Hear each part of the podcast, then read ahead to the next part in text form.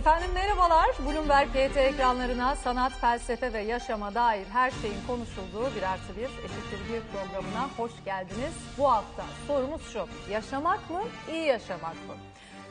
Yaşamın içinde bir yandan yürüyoruz, bir yandan da o yürüdüğümüz yolu anlamlandırmaya çalışıyoruz. Anlam vermek demek bir nevi bir amaç tayin etmek demek yaşama. Nereden geliyoruz, nereye gidiyoruz hepsini konuşacağız. Her hafta olduğu gibi Dücani Cündoğlu ile birlikte. Hocam nasılsınız? Öncelikle onu sorayım. Uzun uzun konuşacağız ama bu hafta nasılsınız? Ee, teşekkür ederim, iyiyim. Ee, hafif böyle bir keyifsiz bir tarafım da var ama Nedir, neden? e, yani e, belki biraz ne bileyim şeker çıkması, inmesi gibi şeyler olabilir. Yani ciddi bir şey değil ama. Anladım. Çok geçmiş olsun. Bu ara zaten e, hem salgın Ya hem öyleymiş hep e, herkes kime dokunsak benzer şeyler söylüyorlar. Önemli. Şimdi iyi yaşamak, yaşamak biz bunları konuşacağız ama tabii en önemlisi sağlıklı yaşamak bir noktada. da. güzel doğru. Peki şimdi konumuza dönelim o zaman. Ee, yaşamak diyoruz, iyi yaşamak diyoruz ama bunun önce sanki bir ayrımını yapmak lazım. Şimdi yaşamak deyince e, herhalde istekleri daha böyle zaruretler belirliyor ama iyi yaşamak dediğimizde tercihler de ortaya çıkıyor. Ama tabii pek çok farklılığı var. Biz bu ayrımı nasıl yapacağız? O çizgiyi nerede başlatacağız, nerede bitireceğiz? Şey de benim de notlarımda var. Ee, zorunluluk, e, zorunlu olan ve olanaklı olan e, ayrımı yapabiliriz. E, bazı şeyler e, doğal ve zorunludur. İşte Epikür'ün ünlü üçlemesi, yeme içme, e, barınma, bürünme e, hem doğaldır hem zorunludur. E, çünkü bunları yapmazsanız yaşamı sürdüremezsiniz. E, özellikle memelilerde e, kendi kendini besleyemediği için birinin onu beslemesi lazım. E, sarıp sarmalaması lazım bir insan yavrusunun. E, cinsel e, ilişki doğaldır ama zorunlu değildir. Ölmezsiniz yani. Bunun dışında kalan her şey ne için söylenir ne doğaldır e, ne de zorunludur denir. İşte lüks dendiğinde bizde lüks e, böyle kabul edilir. E, zorunlu da değildir, doğal da değildir. Şimdi tabii burada e, hatta düşündüm e, yani biraz e, açık konuşayım bu akşam dedim. Yani genelde e, bazı şeyleri dikkate alarak Bu akşam o akşam olsun. evet. Yani ne açıklıktan kastettiğim ne? Ee, yani bi- bildiğimiz bazı şeyler var. Onları yüceltmeye çok alışmışız. Onların e, aleyhinde bazı düşüncelerle filan karşılaştığımızda e, şey yapıyoruz. İşte ahlak mesela. Hatta biz konuştuk ge- geçen programlardan birinde. Yani irfan söz konusu olduğunda ahlak o kadar önemli bir şey değildir. Ahlak insanların başkalarıyla olan ilişkilerini belirler. İrfan kendi kendisiyle olan ilişkisini belirler demiştik. Şimdi burada zorunluluk deyince ne var? Doğal zorunluluklar var. Yani bağırsaklar çalışıyor, işte mide acıkıyor filan gibi. Ee, bunları karşılan bu, bu ihtiyaç, bu zaruri, bunlar zaruriyat denir. Ee, zaruri olanlar vardır, bir de zaruri olmayanları vardır. Bir de e, ihtiyaç olmayanlar vardır. Şimdi e, buradaki ayrım hep doğaya göre yapılıyor. Dolayısıyla doğal olandan çıkmak çok kolay değil ve doğal olan e, tarihte de, felsefede, bilimde doğal olanı hep yüceltmiştir. Mesela ona geleceğiz. Şimdi hemen girmeyeyim o konuya. E, önce bir temellendirme yapalım her zamanki gibi. Nezaket konusu mesela. Ben hep derim nezaket riyakarlıktır ve tabii çok üst bir aşamadır. Yani dürüstlük mesela aslında bir ilkellik biçimidir.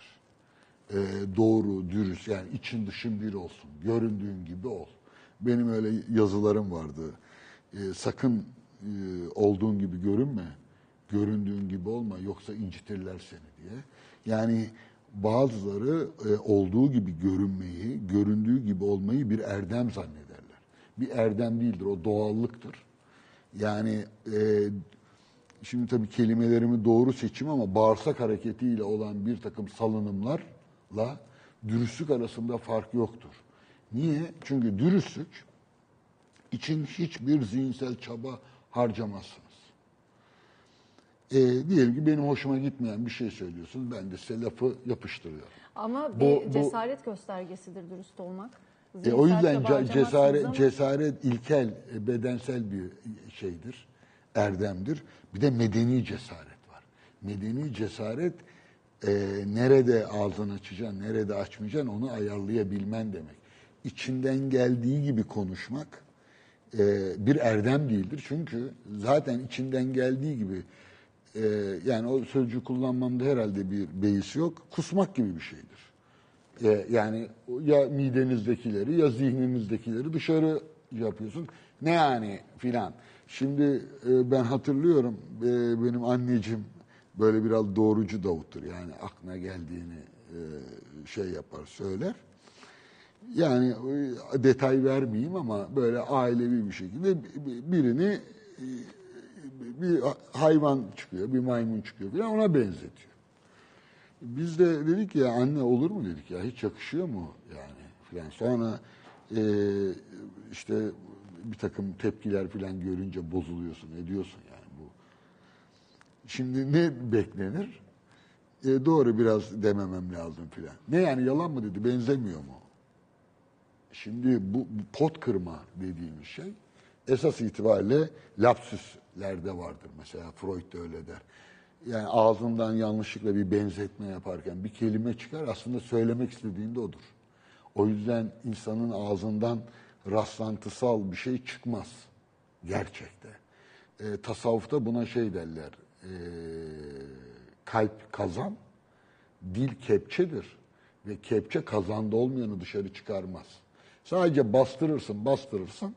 İşte o dürüst olanlar bastırmayanlardır ve de zaten söyler. Ne yani öyle değil mi der. Ya ama işte her doğruyu her yerde söylemek marifet midir? Biz tabii erdemi neyle e, ayırıyoruz? Cesarette bile öyle. Cesaretle saldırganlık aynı şey mi? Hiç düşünmeden e, önüne gelene saldıran bir adamı cesur demiyoruz ki.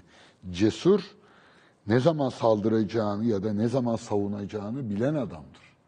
E, o bakımdan e, doğal olan zannedildiği gibi e, kendinde erdem taşıyan değildir.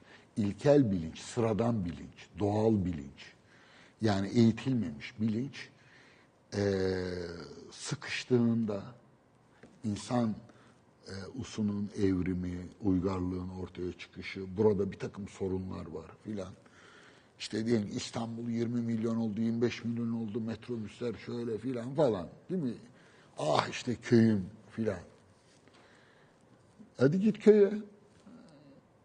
Yani seni kim e, tutuyor? Şimdi e, köy nerede sevimli olabilir? Tabii gidebilecek bir köyü olanlar için diyorum. Benim hiç köyüm olmadı gidebilecek.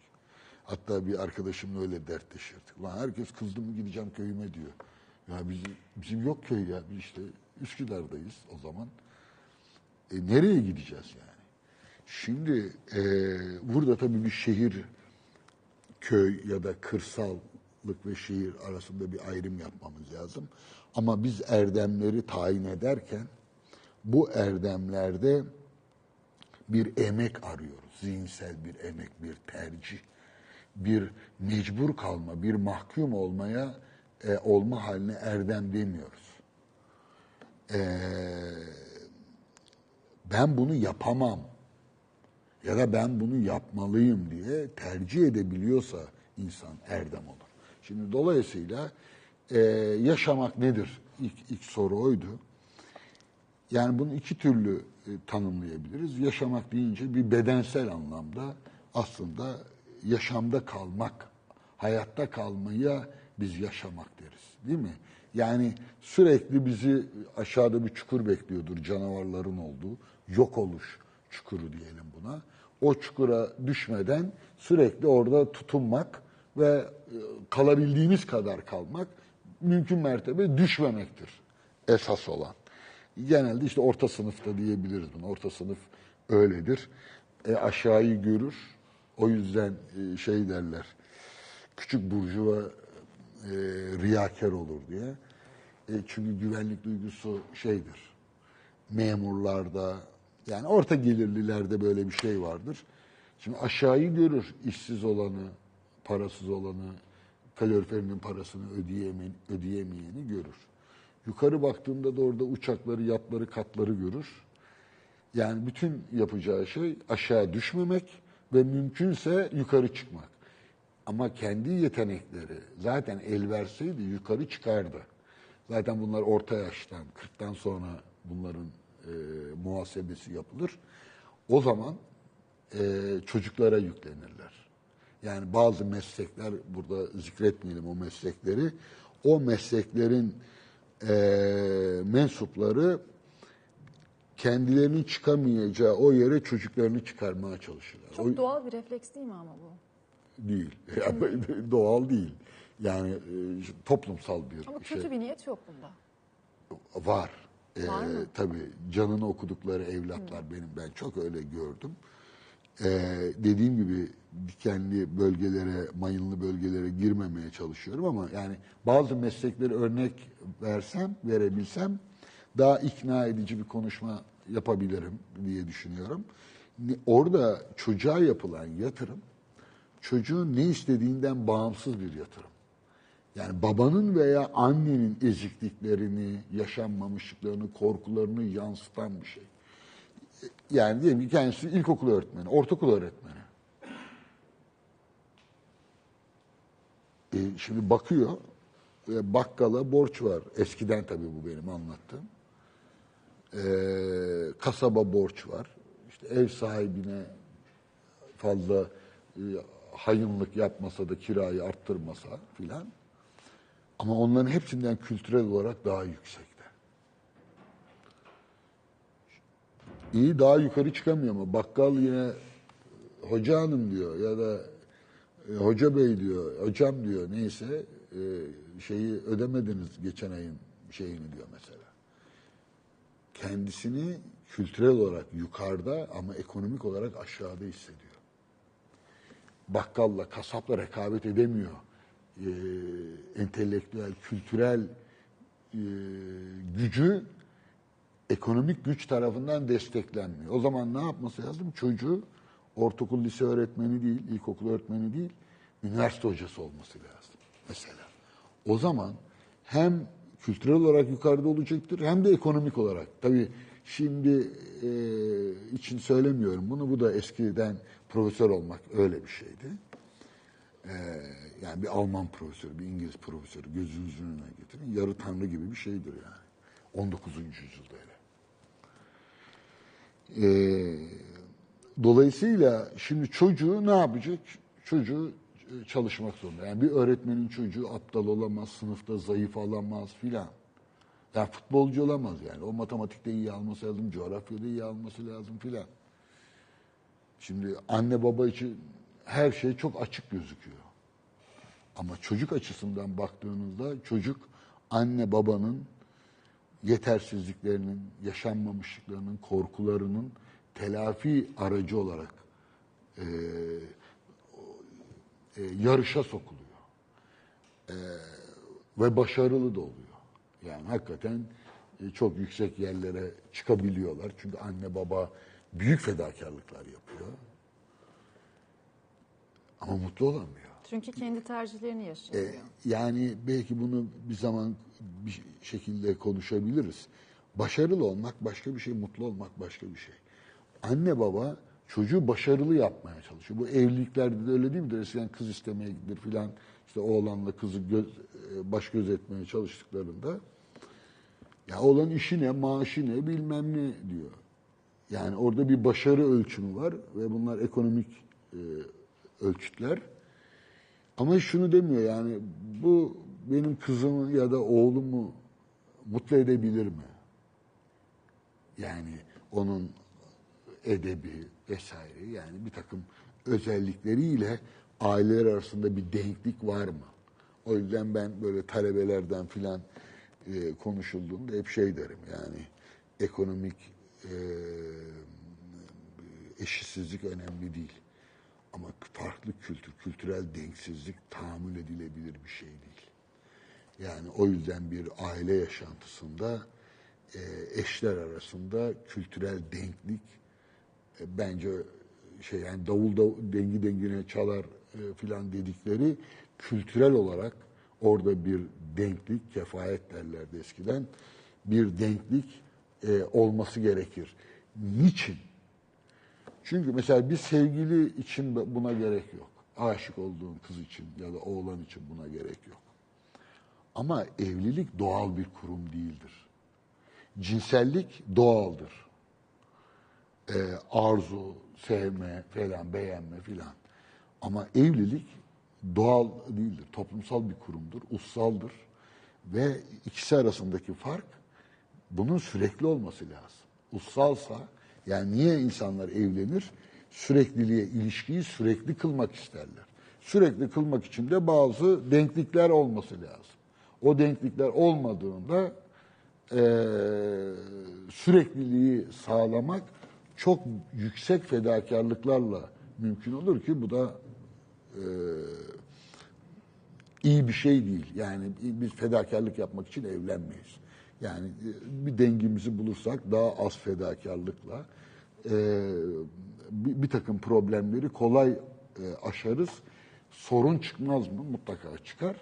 Ama işte kendi kültür halkamızdan biriyle birlikte olduğumuzda o sorunları kendimizce çözebiliriz. Eğer kültür farklılığı varsa e, iki taraf birbiriyle irtibat kuramayacağı için yani diyelim ki erkek annesine, kardeşine filan saygı bekliyor, ilgi bekliyor, hizmet bekliyor. Ama karşıdaki kızın aldığı eğitim yani annen annen tamam hürmet ederim filan ama yani o da diyelim ki şimdi çalışan kadınların çoğu çalıştığı için başka bir denklem var. Dolayısıyla bizim gibi geçiş toplumlarında bu e, denklik sorunu fevkalade e, ihmal ediliyor ve e, evliliklerin uzun sürmeme nedenlerinden bir tanesi bu. E, doğal olmayan bir kurumu doğal e, biçimde sürdürmeyi istemek en büyük yanlış bu. Eğer doğal değilse e, evlilik, e, ussalsa ve bu yüzden sürekliliği temin etmeye yarayacaksa ilişki ussal olmalı. Mesela e, dedik o akşam biraz açık konuşacağım. İlişki ussal olursa işin içinden böyle aşk çekip çıkarılır mı? Şimdi şu- ben yani şöyle tabii benim arkada bir dünya e, şeyim var. Buna e, mantıkta şey derlerdi eskiler. Kıyası matfi. Yani 20 adımda bir akıl yürütme yaparsınız ama muhatabınıza son iki adımını söylersiniz. Teşekkür ederim. Estağfurullah. E, o yüzden o 18 sayılmaz. Şimdi e, benim e, ussal olursa kurmaz mı demek istiyorsunuz? E, kurumaz şöyle e, mesela bir insanın eşi dostu olabilir mi? Olsa çok güzel olur. Öyle yok olsa çok güzel olur. Olur mu olmamalı? Yani şimdi mesela çocuğuyla dost olabilir mi bir baba, bir anne? Çok doğru olmaz herhalde. Çok Ha, doğru var olmaz. öyle babalar, böyle bir Amerikan tarzı baba vardır. Anne annedir, Ve baba arkadaşı biz her şeyi anlatıyoruz filan e, diyorlar. Ee, insanın eşiyle dost olabilir mi? Yani niye olamaz? Dost da iki taraf yoktur. Kıyası matvi dediğim o 18'in bir kısmını göstereyim. Ee, e, dostluk iki ayrı beden ama bir ruh demektir. İnsanın e- eşiyle bir ruh olması e, nadir değil, enderdir. E, çocuğuyla, yani o çocuk siz babasınız. Bakın bir sıfat var. Karı kocasınız, anne e, evlatsınız, baba evlatsınız. Şimdi e, bir de dost olmaz. Dostluk daha başka bir sıfat e, bulunmaması lazım. O yüzden niye dostlukta e, edebiyat olsun diye söylemiyorum şeyi. E, iki bedende bir ruh şeyi böyle bir mübalağa gibi e, görünür ama gerçekten dostu olanlar e, beni anlamakta zorlanmayacaklardır. Yani konuşmaya bile gerek yoktur. Hatta görüşmeye bile gerek yoktur dostla. 10 yıl sonra karşılaşırsanız 5 saniye böyle ayrılmış gibi konuşmaya başlayabilirsiniz. Kendinize söyleyemeyeceğiniz şeyleri söylersiniz dostunuza. Bir insan karısına bunları söyleyemez demiyorum bakın. Söylememeli zaten. Yani dost bu anlamda dost olmamalı. Bir kadın da eşine her şeyi söylemez zaten. Söylememeli de. Yani doğrusu da budur.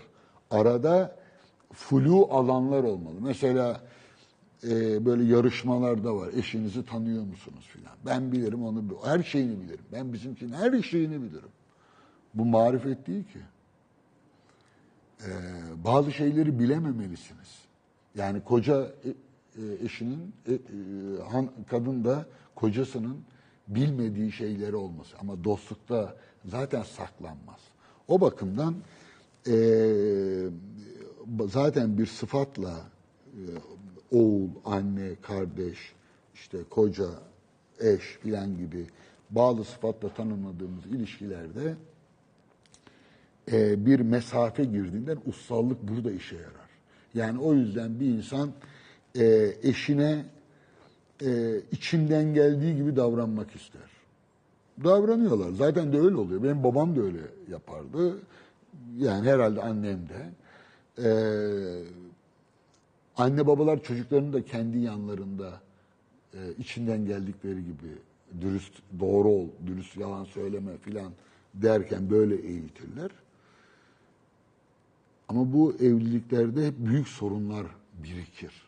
Kaçınılmaz olarak. Yani belki iskeleti e, bozulmadan kalır ama e, içi boşalır. E, sebebi e, eşinizin yanında e, tümüyle rahat olmamalısınız. Bazı şeylerde mesafe e, bulunmalı. Neyi istiyorsanız. Bu hazzı azaltır değil mi? Sağ şey gibi yani patates kızartması yemekle tuzsuz makarna yemek ya da brokoli yemek gibi bir şey. Evlilik brokoli gibi bir şeydir.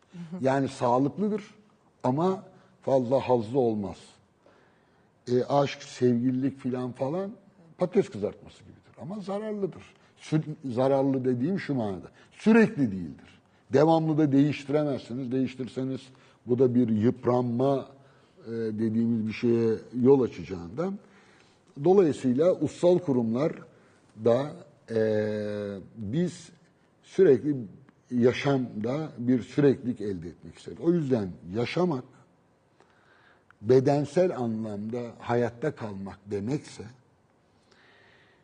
iyi yaşamak ne demek? Bizim bu akşam aslında etrafında dolanacağımız konu bu.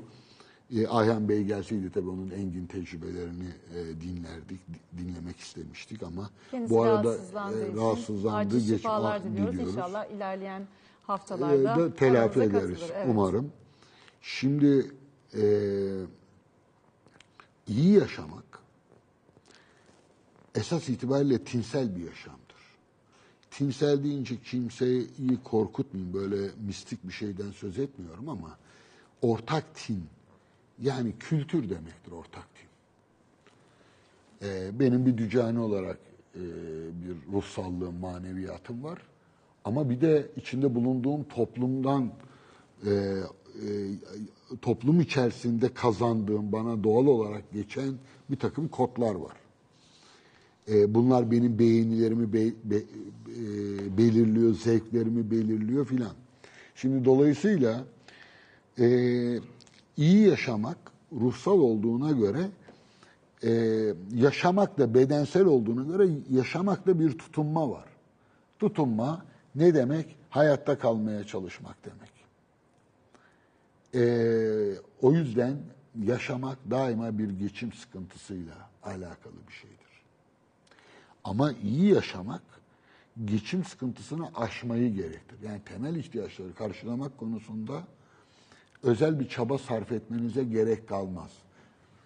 O zaman belirli bir zümreye mi aittir iyi E, yaşamak? çünkü yalnızca? e, boş zaman üretir. Yani Das Kapital'i okuyanlar bilirler. E, dipnotlarında hep sürekli şeyin Marx'ın en büyük endişelerinden bir tanesiydi. Çocukların, kadınların çalıştırılması ve e, çalışma saatlerinin belirsiz olması. O yüzden sosyalizmin belki de e, modern topluma en büyük şeyi, getirisi, kazancı, armağanı çalışma saatlerinin düşürülmesiydi. Çünkü e, Marx e, iyi yaşamayı bilen biriydi. Yani dünya işçileri birleşiniz diyordu ama e, yani bir işçi ne zaman tiyatroya gidecek diyordu. Nasıl gidecek? E, e, onun boş zamanı olması lazım. E, bir de bedenen çalışıyorsa yoruluyor. Yani yaşamının bir kısmını çalışmadan e, ayırması lazım. Biz buna e, Arapça bir kelime kullanıyoruz. E, Türkçesi de var. Dinlence diyorlar galiba. Tatil. Yani tatil ne demek? İptal etmek demek. Neyi iptal et? Tanrı altı günde yarattı. Yedinci gün dinlendi. Tatile girdi yani. Ne demek tatil? Çalışmaktan kesilmek, çalışmayı bırakmak, çalışmayı durdurmak demek. Ee, dolayısıyla aslında e, çalışan, bedeniyle çalışan e- emekçilerin, e, kol işçilerinin e, bir boş zamanların oluşması lazım. Bu boş zaman oluşması ne demek? Yani o zamanı geçimini hayatta kalmak için o, o orada da çalışmasına gerek kalmaması. Yani 8 saat çalışıyorsa 8 saat uyuyabilmeli, 8 saatte ona kalmalı. Şimdi e, sorun burada boş zaman. Boş zaman ne demek? Boş zaman e, İngilizce school kelimesi okul demek biliyorsunuz. Ekol. Ekol ya da school. Bu skole'den gelir. Boş zaman demektir. Çünkü öğrenciler çalışmaz. Yani öğrenci olabilmek için işten kesilmiş olmanız lazım. Şimdi bu kategoriler tabii değişti. Ben hala biraz 18-19. yüzyıl kategorilerini kullanıyorum. Ee, yani öğrenci çalışmayan demektir.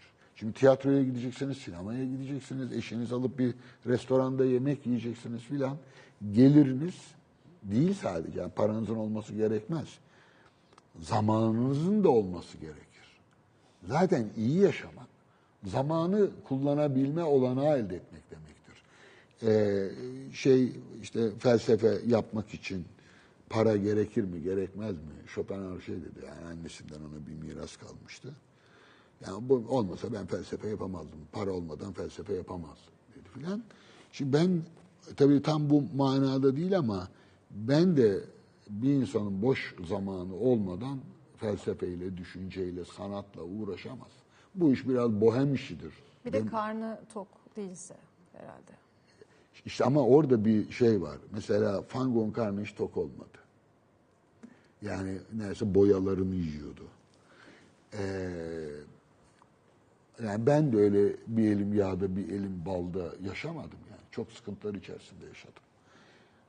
Ama şöyle yaptım. Yaşamdan payımı eksilterek yine çalışmamak konusunda direndim. 40 yıl işe gitmedim. En büyük e, şeyim e, yayın evlerinde çalıştım. 10 yıl ekmeğimi öyle kazandım. Redaksiyon yaparak, düzeltmenlik yaparak. Bir tanesinde bir yayın evinin e, sahibi hocam dedi yani sen evden de yapabilirsin. İlla yayın evine gelmen gerekmez. bir daha hiçbir yere gitmedim. Yani 13-14 yıl bir gazetede köşe yazarlığı yaptım. Yani 13-14 defa gitmedim gazeteye. Buraya geliyorum ama. Buraya geliyorsunuz ama dilerseniz biz de çok ufacık bir e, kısa süreliğine bir çalışmama hakkımızı kullanalım.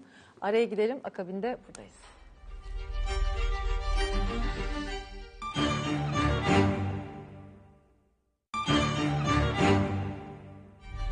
Efendim devam ediyoruz kaldığımız yerden. Hocam şimdi iyi yaşamak aynı zamanda mutlu olmak demek değil midir?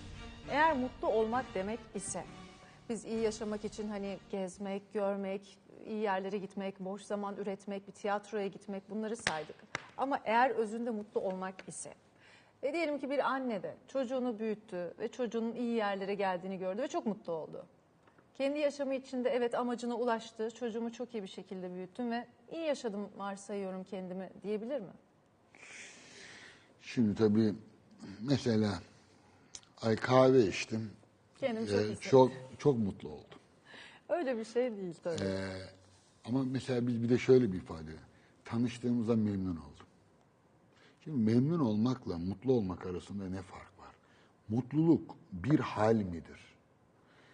Ee, yani e, yani do- bir dondurma yedi. Ay çok mutlu oldum bu dondurmayı yiyince. Ay bu yemeği yiyince çok, bunu giyince çok mutlu oldum. Bu şunu yapınca mutlu oldum. Şimdi mutluluk olunan bir şey midir? Bir hal midir? Ee, bu e, Aristoteles bunu uzun uzun tartışmıştır. Mutluluk e, çok basit bir şekilde tanımlanabilir aslında. Nasıl? Biz şeyleri iki şeyden dolayı isteyebiliriz. Ya kendinden dolayı ya başka bir şeyden dolayı. Dolayısıyla istediğin bir şey söyle bana. Ben sana niçin istiyorsun diye sorayım. Eğer niçini söyleyebiliyorsan onu başkasından dolayı. Mesela diyelim ki para, hocam para istiyorum dedim. Niçin istiyorsun? Ya parayla araba alacağım. E arabayı niçin istiyorsun? İşte onunla gezmeye gideceğim. Niye gezmeye gideceksin?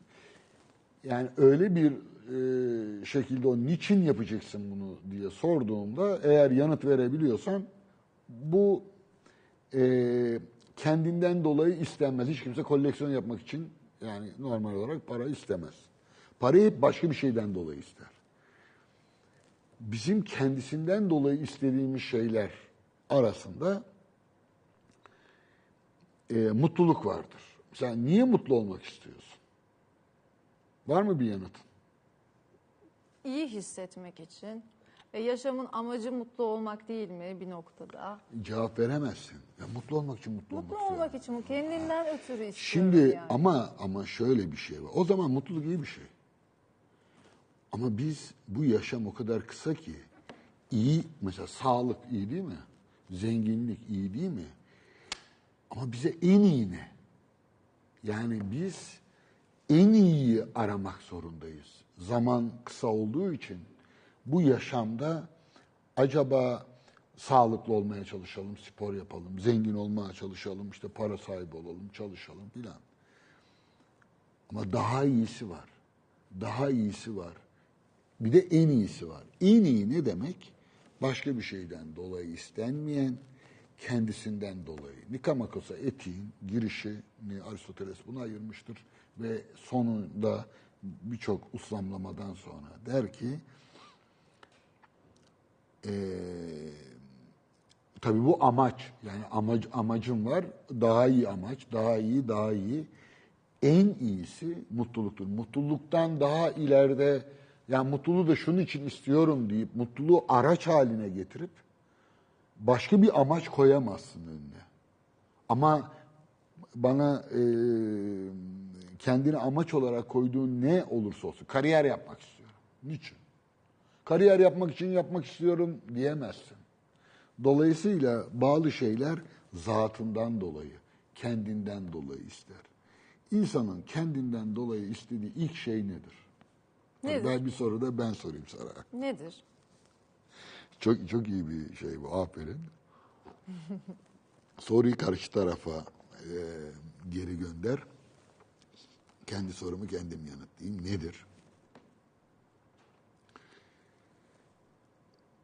Soru neydi? Ee, insanın kendini Ee, soruyu da unuttum. Yaşam Soru, amacı soru şu. İn, in- insan e, en iyi ister, en iyi ister dedik ya. İnsanın ilk istediği, ilk istediği nedir? Doğduğunda. buna mahbubu evvel diyorlar.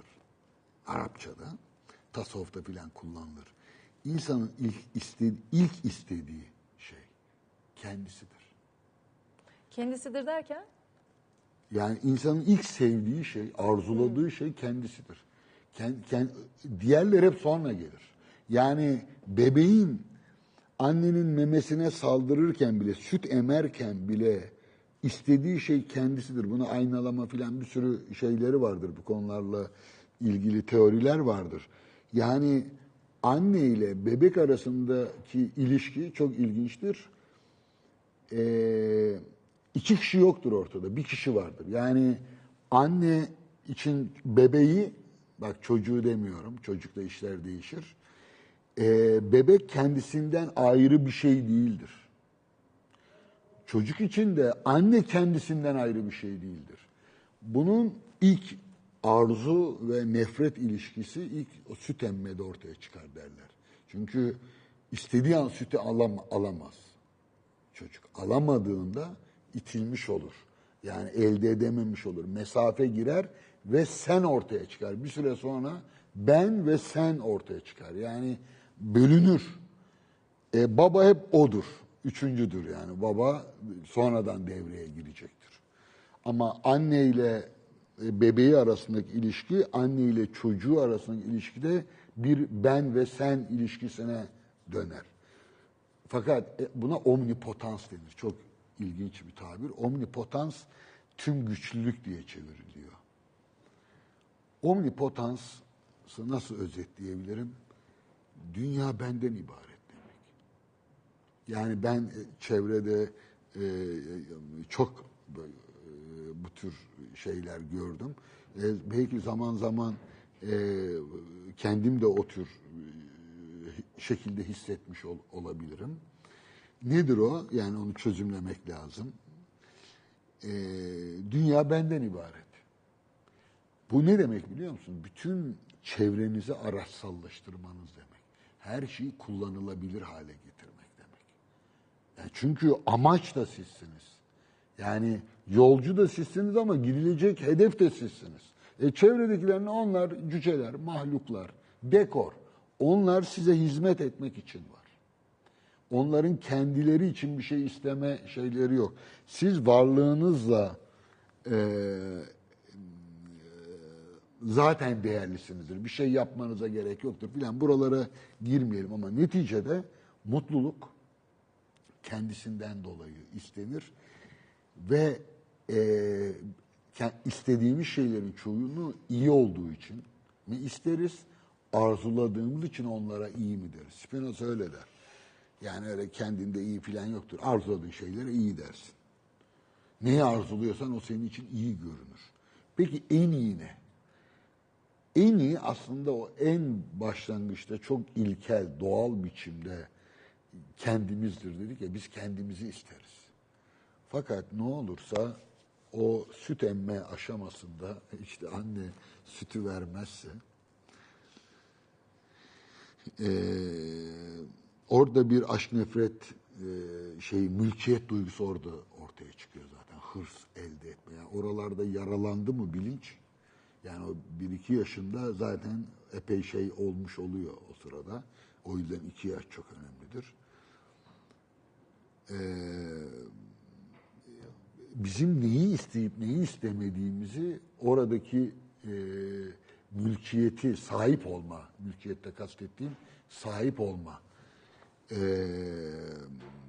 hamleleri tarafından belirlenir. O yüzden bu bir süre sonra devam eder. Evde de, e, okulda da, ailede de. O da bizim istediklerimizin biçimlerini değiştirir. İyilerimiz farklı olur. Dolayısıyla burada bir, bir şey ortaya çıkar. Ee, insan en çok sevmesi gereken varlığı kendisini unutur. Bu çok pis bir biçimde e, bu istekler, bu arzular ihtiyaçlara e, ve e, varsayımlara dayanır. Yani bisiklet sahibi olmak istiyorsun, araba sahibi olmak istiyorsun, kat yat filan. Yani birçok kendi dışınızda birçok şeye yönelmeye başlarsınız ve bu arada siz kendinizi unutursunuz. Bununla ilgili biz de burada çok hikaye anlattık. Ee, şeyde bizim geleneğimizde, kültürümüzde çok e, şey vardır kendini unutmakla ilgili. Ee, bu mülkiyet ve cinsiyet ilişkileri e, bizi kendimizden uzaklaştırdığı için biz dışarı yöneliriz ve o metalarda e, onlara sahip olursak mutlu olacağımızı zannederiz. E, bu böyle değildir. Bunu kendimizde bulmamız lazım. Fakat burası da çok mistik, e, biraz hafif böyle bataklık gibi bir yer. Yani hemen çamura saplanabiliriz. O yüzden biraz orayı açıklamak lazım. Ne demek istiyoruz? Yani yaşamakla iyi yaşamak arasında iyi, ne fark olmalı? İşte tekamül, terakki, gelişme, ilerleme, hangi sözcüğü seçerseniz seçin. Yani hepimiz çocuktuk işte e, büyüyoruz, yaşlanıyoruz filan yani. Bedensel olarak tekamül ediyoruz. Değil mi? Kemiklerimiz sertleşiyor, boyumuz büyüyor filan falan. Sonra da şey Tersine. ya- tersine dönüyor. Şimdi e, peki tinsel olarak, ruhsal olarak ilerleme var mı? Yani hiç unutmuyorum böyle yıllar evvel bir arkadaşım yıllar evvel boşandığı eşiyle bir şeyde karşılaşıyor. Bana dedi ki ya e, e, 50 yıl geçti dedi.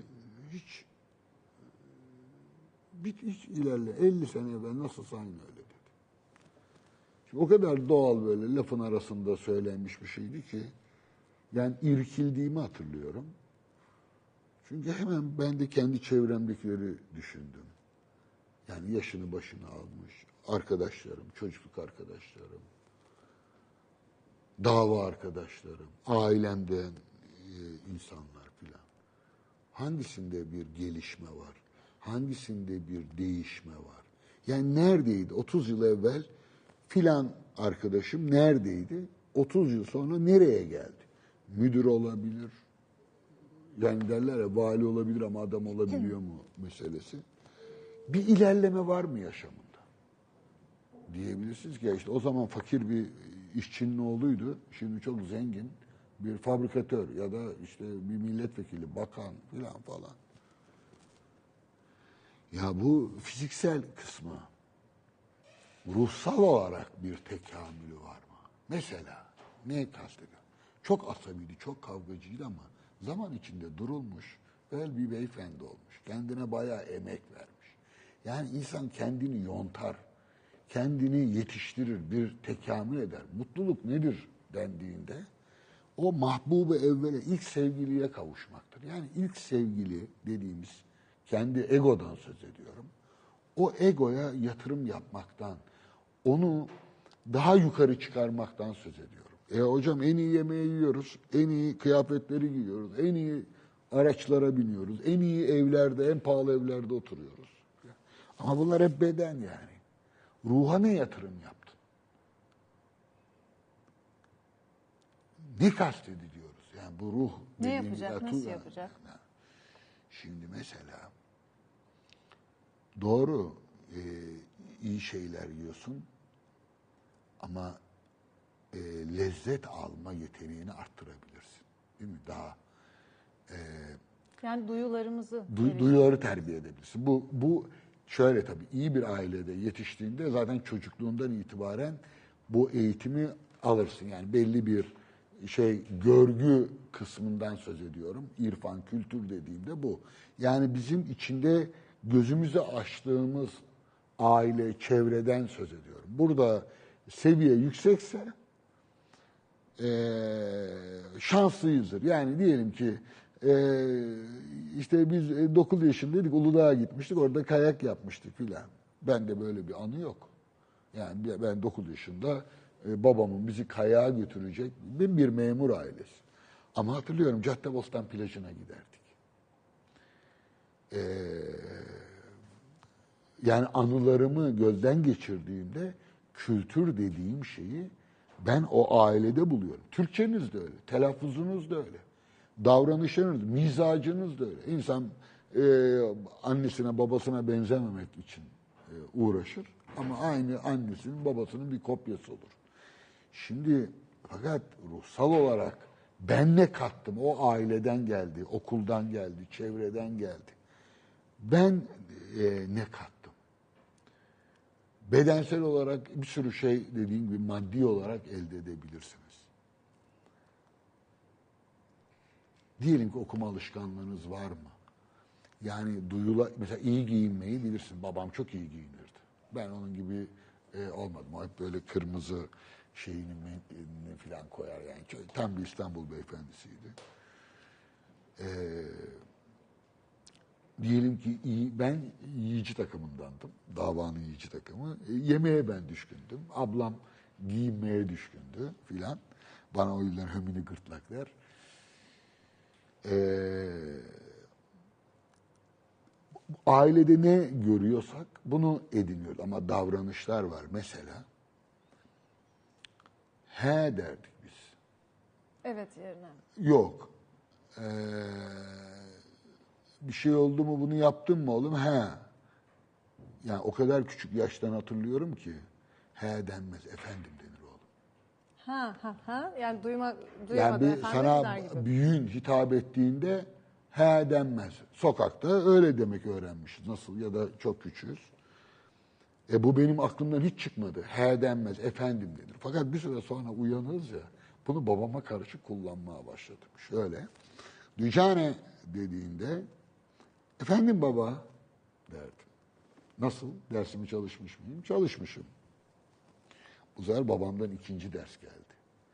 Büyükler çağırdığında oturduğun ya ben biliyorum bana bir iş verecek, bir şey yapacak. O yüzden efendim baba diyorum yani gitmiyorum. Yani ben senin adını andığımda buraya geldiğmiş oluyorum. Şimdi buna benzer bir sürü anılardan filan örnek verebiliriz. Bunlar net, neticede kültürü oluşturuyor. Fakat ruh burada hala eğitilmemiş olarak. Ne kastediyorum? Mesela imgelem, muhayyileden söylüyorum, hayal etme. Şimdi bakın bir roman okuduğunuzda, bir şiir okuduğunuzda bir hayal ustasından ders almış oluyorsunuz. Yani bir zihninizde hangi şairden olursa olsun bir kıta, e, yani böyle sayfalar değil, bir mısra, bir beyit, bu da nerede olur?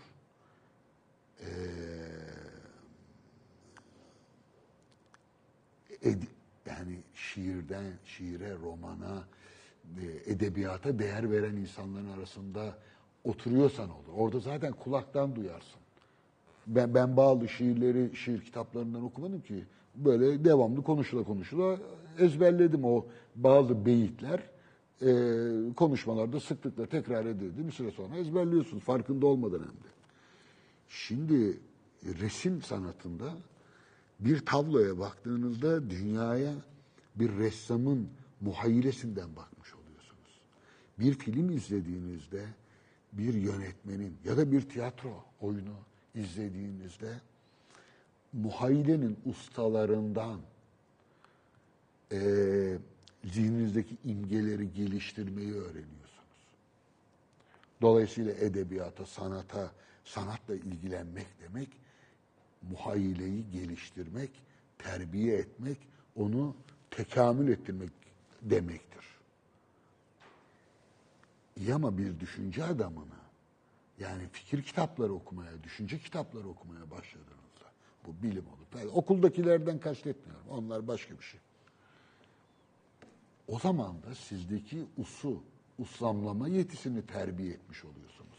Konuları nasıl, hangi adımlarla inceleyeceğinizi, soruşturacağınızı, nerede tutarsız, nerede çelişkili olup olmadığınızı, bir şeyi nasıl kanıtlayabileceğinizi, nasıl çürütebileceğinizi öğrenirsiniz. Yani belli bilim dallarında, belli kitapları okuduğunuzda o bilim dallarında işte diyelim ki bebekten söz ediyoruz. Ben bebekleri gözlemleyerek mi ediniyorum bunu? Hayır. İşte bu alanda yazılmış metinleri okuya okuya e, çocukların dünyası ile ilgili aa ben bunu hiç düşünmemiştim. Pi- Piaget'i mesela çok e, şey yaparım, tutarım. E, yani hiç bilmediğimiz şeyleri öğreniyor, bilgimizi genişletiyoruz ama burada esas olan düşünme biçimimizi terbiye etmeyi öğreniriz. Şimdi iyi yaşamak. O yüzden Aristoteles üçe ayırırdı. İyi yaşamak dendiği zaman bir haz yaşamı var. Haz yaşamı ne? İşte sığır yaşamı, e, kümes, Kümes yaşamı, yaşamı. tavuk yaşamı filan denilen şey. Beslenme, e, üreme, işte barınma filan. Yani bir kümes varsa yemek geliyorsa, efendim bir de üreme e, faaliyetini yerine getiriyorsanız, e, da- zaten bir tavuğun yaşamında ne var bundan başka? E, insanın yaşamında da bu var. Dolayısıyla görgü, irfan, işte o boş zaman dediğim şey, esas itibariyle e, sahip olduğunuz zaman dilimini nasıl kullanacağınızı size öğretir. Yani çalışan biri, devamlı çalışan biri e, geçim sıkıntısı içinde olduğundan hayatta kalmaya çalışır. Onun ne sanatla işi olur ne bilmem ne. E diyecekler ki yani yoksullar bu işlerle uğraşmasınlar mı parası olma? Hayır. Yoksul yaşamdan payını eksilterek yani yaşıtlarından daha aç yaşamayı, daha yırtık pırtık gi- giyinmeyi gerekirse göze alarak ok- okumaya o vakti ayırabilir. 10 lira kazanacağına 5 lira kazanır. En azından ben öyle yaptığım için söylüyorum. E, Biraz daha e, yaşam standartımı aşağı çektim ve ama ok- okumayı bırakmadım. Ee, do- ya da işte e, onu bazen talebelere söylüyorum. Ne yapın yapın parayı bulun diyorum. Yani kendinize boş zaman ayırabilmek için e, şey gibi böyle mağarada yaşamanıza gerek yok. Belli bir gelir elde edebilirseniz, tabi bunun bir ortası yok mu? Yani ya e, tamamen e, ilimle irfanla uğraş, kitapların arasında bir ömür geçir ya da tamamen dışa yönel. Fakat şimdi e, elimden çok talebe geçti. Yani 20 yaşlarında çocuklardı bunlar. Şimdi çoğu 40-45, 50 yaşlarına geldi. Onlarla konuşuyoruz bazen. Yani bu geçen zaman içerisinde e, ben 20 yıl evvel söylemişim onlara. Ee, yani neyi neyle ayırt edip neyi nereye kadar vakit ayırması lazım. Dolayısıyla ben hep şey derim. Hayatta en değerli şey nedir diye sorsalar bana zamandır derim. Zamandan daha değerli bir şey bulamadım. Zamana denk ya da zamandan daha değerli olan bir tek şey var bence. O mahbubu evvel dediğim yani ilk sevgiliye, kendimize hizmet edebilecek, onu daha yukarı çıkarabilecek, onu eğitebilecek eee, işler yapmak. Dolayısıyla ancak zaman bunun için harcanabilir. Yani eee, ruhumuza yani eski bir dil kullanıyorum farkındayım ama ruhumuza emek vererek e, emek vermek için o zamanı kullanabilir. E ben zaman yoksunuyum, çalışmaktan zamanım yok. E ne yapıyor? E mecburen işe gidiyorum, geliyorum işte filan. Ben ne istiyorum diye sormaya zaman bulamıyorum der Ama yani şöyle e, yani bunca yıl sonra e, bir talebemle konuştum. Çok evladım gibi sevdiğim bir talebemdir. Geçen geçen dedim dün akşam. E, dedim ki ona e, çok şey e, elimde büyüdüğü için biliyorum. İnsanların dedim e, tamamına yakın neredeyse büyük çoğunluğu mağaradan çıkmayı düşünmüyorlar. Bir karanlığın içindeler, bir mağaranın içindeler, bir sefaletin içindeler ve bu sefaletin içinden çıkmayı düşünmüyorlar. Niçin dedim. Bir tek yanıtım var. Yani bunu bu şekilde formüle etmemiştim dün akşam. Çünkü hiç kimse mağarada olduğunu bilmiyor ki. Herkes kendinin iyi durumda olduğunu biliyor. Mağarada olduğunu bilmeyen biri mağaradan çıkmayı istemez ki. Ben mağarada olduğumu biliyordum. Yani bir şeyleri anlayamıyorum. Bir şeyleri göremiyorum. Yani her yere saldırıyordum. Yani okumak, öğrenmek yani bu bu şeyler niye bana karmaşık geliyor? İşte buna şey derler. Kendini aramak de- dediği bu- de- denilen şey budur. Mistifike etmiyorum. Yanlış anlaşılmasın. Kendini aramak, hakikati aramak. Yani neticede ya o hakikat bizim dışımızda olan bir şey değil. Kastettiğimiz şu. Yani bilinmesi gereken tek şey iyi yaşamakla alakalı söylüyorum. Bilinmesi gereken tek şey mağaradasın. Zavallı bir durumdasın. Her tarafından prangalarla çevrilmiş durumdasın. Nedir o? Bir doğal ihtiyaçlar. Çalışmak zorundasın, okumak zorundasın. İşte şunu yapmak zorundasın. Anne babam var ona onlara ait ödevlerin var. Evlenirsen karına çocuklarına ödevlerin var. Patronuna ödev karşı vazifelerin var. Sürekli birilerine borçlusun ve sürekli onlara hizmet etmek zorundasın. Onlar da sana bir şeyi lütfediyorlar. Yaşamda kalmanı lütfediyorlar. İyi yaşamanı. Ha diyebilirsin ki ama hocam işte yatım var, katım var. Yani demek ki sadece öyle yaşamda kalmak değil, iyi yaşamak. Ne o? Sağlık, zenginlik filan. Ama mağaradan çıkmamı bana sağlayacak zamanı vermiyor. O zaman elimde olsa bile ben mağarada olduğumu düşünmüyorum. Ben gayet iyiyim, başarılı bir iş adamıyım. Ben e, işte zengin bir adamım. Ee, Ya da kimseye borcum yok, geçim sıkıntısı Aa, çekiyorum ama sonuçta hayatımı idame ettiriyorum. Hayır, ben ben emekçilere yani geçim sıkıntısı çekenlere e, on- onlara secde ederim. Hiç e, orada bir problem yok. Niye? Zaruret var ve zaruret yaşamda kalmaya çalışıyor adam. Yani öyle bir temel fıkrası vardır bilirsiniz. Temel işte uçurumdan şey yapmış. Ondan sonra e, ya bakmış kırılıyor dal. E, Allah'ım beni kurtar filan falan diye dua etmeye başlamış. O sırada gayipten bir ses duymuş. Ey Temel demiş ben senin Rabbinim. E, huzurla ellerini bırak demiş. Temel bir aşağı bakmış. Kendisine söyleneni düşünmüş.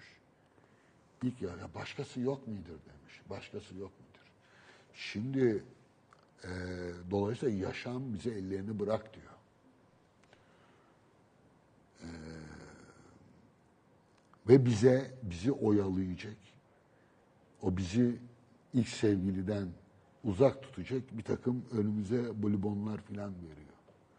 Ve biz onları elde etmekle filan hatta bazı kazanıyoruz da filan. O yüzden hep şey derim. Yani para kazanmak aslında zor değildir. Zeki olan ve yani ben para kazanacağım arkadaş diye hedefi önüne koyan yani büyük ihtimalle kazanır. İstediği kadarı olmasa bile. Ama parayı yiyemez. Bakın e, Türkiye'deki en büyük e, tanınmış şöhret sanatçılarda filan görüyorum. Mesela ünlüler de diyelim sanatçı demeyelim. O kelimeye hürmet Parayı iyi yemek de bir kültür gerektirir değil mi? Asıl parayı ye- yani parayı yerken kültür ortaya çıkar. Görgü görgü dediğimiz şey parayı kazanma sürecinde değil, parayı harcama sürecinde ihtiyaç duyduğumuz bir kurumdur. O, o yüzden e, yani Türkiye'de sermayeyi ele geçiren sınıflar parayı yiyemiyorlar ki. Yani e, neyse şeye siyasete Evet evet az önce de zaten şunu söylemek istemiştim. Şimdi şartlar bazen insanı öyle bir noktaya getirir ki borcum yok, e, geçim sıkıntısı çekiyor olabilirim ama neticede kendimi e, işte ailemi bir şekilde yaşantımı idame ettirebiliyorum. Hani bu bu yaşam tarzına sahip bir insan da kendisini iyi yaşıyorum sanabilir. Çünkü şartlar öyle Ama bir noktadadır ki etrafına bakarak kendisi de iyi yaşadığını düşünüyor olabilir. Tamam bu iyi, ya- iyi- yani buradaki iyi yaşamı ekonomik bakımdan Tabii iyi hissedebilir. Ee, işte bu, olanakları bakımından iyi hissedebilir. Bu- Bunu, bunu konuşmuyoruz. Evet. Bizim konuştuğumuz şu. Ee, ya kaç sayfa okuyorsun? Yani hayatında hayatında yani diyelim ki e, biraz abartayım izninizle. E, Kafka'nın Milena'ya mektuplarını okumamış bir genç. Takır tukur. Yani nasıl ilerleyebilir? Nasıl ilerleyebilir? Yani e, hiçbir öykü yok, roman yok, şiir yok, resim yok, heykel yok, mimari yok, sinema yok. felsefe, bilim filan demiyorum. Onlar olsa bile bunlara ihtiyaç var. Buradaki problem şu, bilgili insanlar olalım, bilmem ne olan. Hayır. İyi yaşamaktan söylüyoruz. Görgülü insan olmak demek içinde bulunun. O yüzden doğada olmuyor bu. Şehirde oluyor. Yani hep örnek veririm. Benim öyle bir yazım var. Ee, Fatih, Eyüp, Fatih, Üsküdar'la e, Şişli Beyoğlu, e, Beşiktaş ve Kadıköy. Bu üç ilçeyi mukayese ettim. Ee, yani 8-10 sene evvel yazdığım bir yazıydı. Ee, yıllarca bir şeyi algılayamadım. Ben tabii gençken kitaba düşkün ee, bir çocuk olarak kültürü şöyle algılıyordum. Yani zevklerden uzak dur- durursam e, kendimi e, böyle çıstak çıstak hep dışarılara harcamaz işte devamlı okursam ancak o zaman hani ilerleyebilirim düşünsel olarak. Dolayısıyla zevk yaşamı olarak, haz yaşamı olarak hani meyhanelerin, barların, bilmem neyin olduğu yerlerden tabii ne yapar böyle bir çocuk? Biraz da dünya görüşüm de buna uygun o zamanlar uzak durur. Yalnız bir şeyi çözemiyorum. Yani 20-30 yıl bunu zihnimde taşıdım. Ve çözdüğüm an, ve onu da Muğla'da çözdüm. Kanos'ta. Oradaki bir arkeolog sayesinde. Ya diyorum ki arkadaş bütün eee, barlar, pavyonlar, bilmemler hepsi İstiklal Caddesi'nde o zaman. Tarlabaşı filan falan. Fakat bütün kitapçılar da orada. Tiyatrolar orada, sinemalar. Ya Beşiktaş benim doğup büyüdüğüm yer. Yani doğup değil ama büyüdüğüm yer. Çocukluğumun geçtiği yer. Arkadaş orada iki tane e, şey vardı. Şu anda yo- olmadığı için telaffuz edebilirim. Çünkü kültür tarihimiz bakımından önemli. Kabalcı ve Alkım diye. Yani fabrika gibi çalışırdı. Ben orada mutlaka Atatürk kitaplığında mantık atölyesi diye derslerim vardı. Oraya giderken en büyük zevkim Beşiktaş'a gitmek, Ka- Kabalcı'dan ve Alkım'dan kitap almak, sonra e, derse gitmek. O yüzden bir iki saat önce giderdim. Bir gün bir arkadaşla şey yaptık. Bir yerde oturalım bir şey yiyelim, içelim filan dedik. Hafifte saat de geçmişti. Ben oraları tabii uzun zamandır gitmediğim için bilmiyorum. Arkalara bir gittim. O aynı Beyoğlu'nun başka bir şey. Çarşının o kenarları filan. Kadıköy. Ya Kadıköy'de türkü barları bilmem neleri filan hepsi eğlence yerleri doludur. Ve gerçek bir şeydir. Ee, ne diyelim şehirdir bence. Fakat arkadaş çocuğuna defter kitap almak istiyorsan Kadıköy'e gideceksin. Şimdi bir de e, Üsküdar'da doğup büyümüş biri bir Zeynep Kamilli olarak. Ya Üsküdar'da kitapçı durmazdı yani. Üs- Üsküdar'da kitapçı olmaz. Yaşamaz. Denedi arkadaşlar. Hepsi 3-5 sene. İşte çok biraz babadan filan e, şeyi olan, desteği olan filan bir kitapçı biraz kaldı filan yani. Şimdi hala var mı bilmiyorum tabii. Şimdi benim çözemediğim şu. Arkadaş okumak için bütün şeyler Fatih'te, Eyüp'te, Üsküdar'da olması lazım. Ama bu kaka yerler işte Beyoğlu, Beşiktaş, Kadıköy e, buralarda eğlence var bilmem ne var. Fakat çözemediğim kitaplar burada değil yine burada. Eğlencenin olduğu yerde. Ben bunları birbirine o kadar karşıt konumlandırmışım ki zihnimde bir türlü şey yapamıyorum. Sonra Kanos'ta eee, oradaki tiyatro eee, aynı zamanda Blüteryon olarak da kullanılıyor. Hem meclis, dar bir yer eee, hem de tiyatro olarak kullanılıyor. İşte anlatırken şey dedi eee, hoca, ya işte dedi eee Dionysos, Dionysos dedi tiyatroların tanrısıdır filan dedi.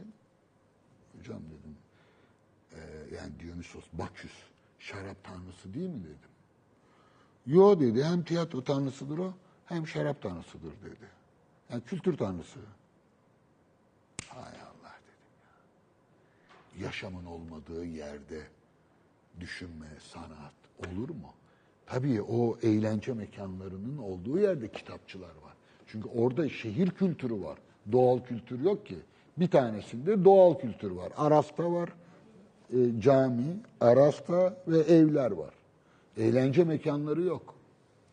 O yüzden İstanbullular eğlenceye gitmek için o bulundukları yerlerden çıkmak durumundalar ki hala öyledir. Şu anda tabii İstanbul eski İstanbul değil ama yani demek istediğim şu. e, canlı bir kültürün olabilmesi için yaşamda bir kasvet, kasavet değil, neşe de olması lazım. Neşe olmadığında canlı bir kültür olduğunda insanların kendini eğitmesi, yetiştirmesi, geliştirmesi, hani eski tabiri kullanalım, başlangıçta kullandığımız tabiri kullanalım, ruhlarını terbiye etmeleri, ilerlemeleri, mağaradan, mağaralarından eee, çıkmaları mümkün olmaz. Önce içinde bir mağaranın içinde doğduğumuzu, çünkü kültür, halihazırdaki kültür aslında mağarayı mümkün kılan odur. Yani doğanın kendisi doğal zemin vardır ama onun dışında işte ortak tin diye adet, ahlak, kültür filan diye bir sürü hazır kalıplar var. Biz onların içinde gözümüzü açıyoruz. Bir bizim içinde doğuyoruz. O bizim içindeki beni fark etmek Ve kendini var etmeye çalışmak. o kadar zor ki. Devlet buna izin vermiyor. Halk da buna izin vermiyor. O yüzden halk da devlet de felsefenin ve sanatın karşısındadır bizim gibi ülkelerde. Yani bizim kaderimiz hem halkla e, e, halka karşı koymaktır. Halkın beklentilerine, isteklerine. Çünkü aşağı çeker. Yüksek, yüksek düşünceyi, yüksek sanatı, yüksek kültürü anlamaz, istemez. Onunla irtibat kuramaz. Çünkü onu anlamak için gerekli zamandan yoksundur. O zaman verilmemiştir ona.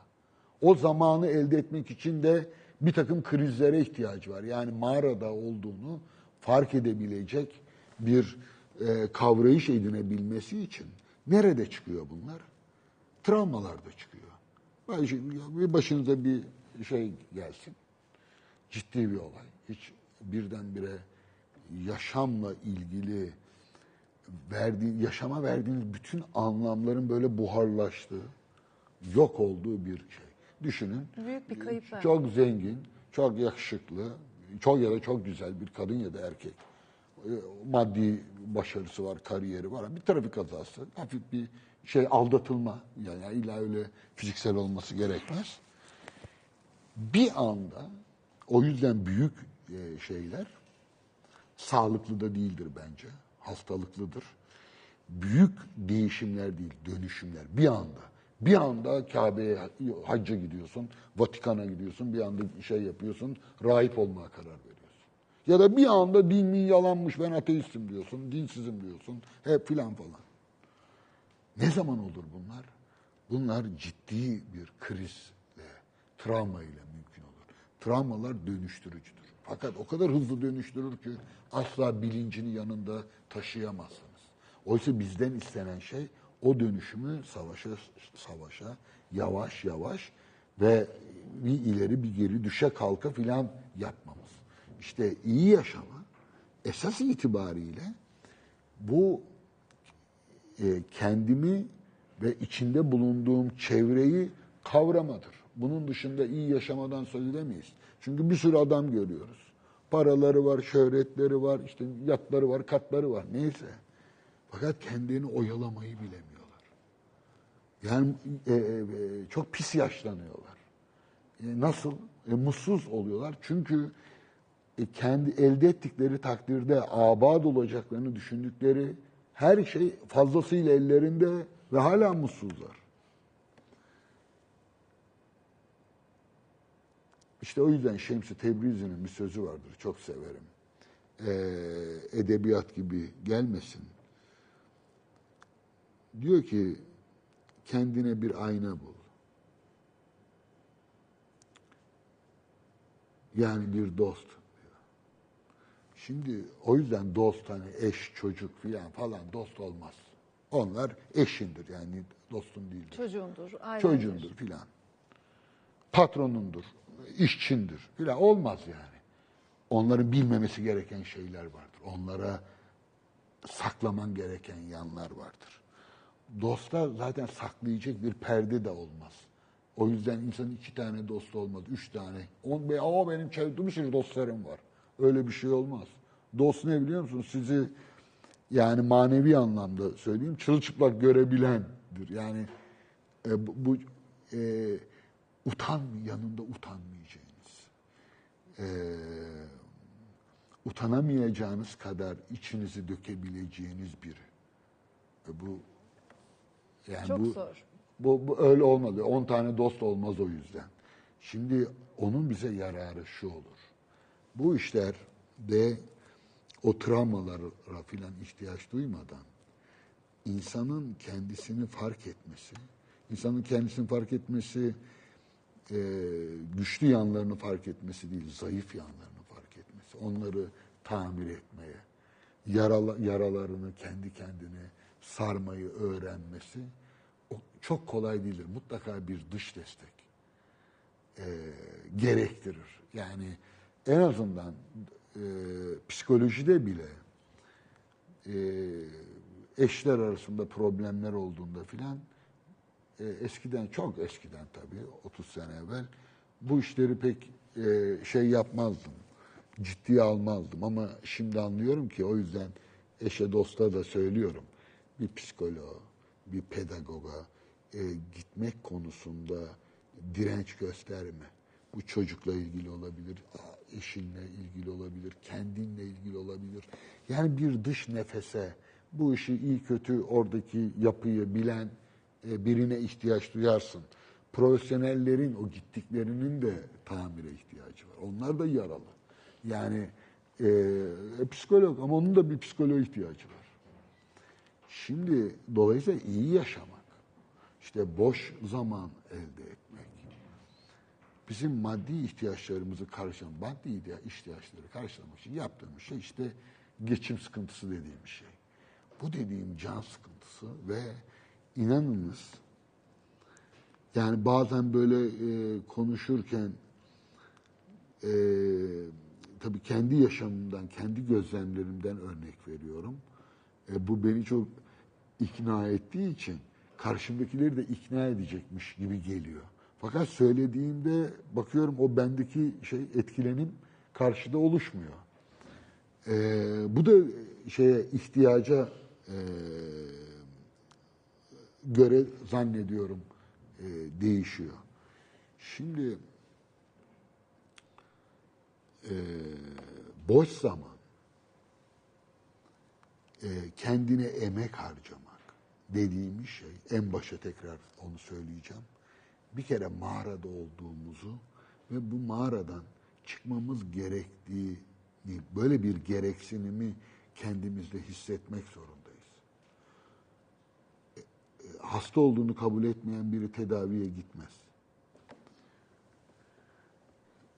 Zor olan e, ve e, pek gözlemleyemediğimiz şey e, insanların kendilerini mağarada e, o, olarak kabul etmemeleri.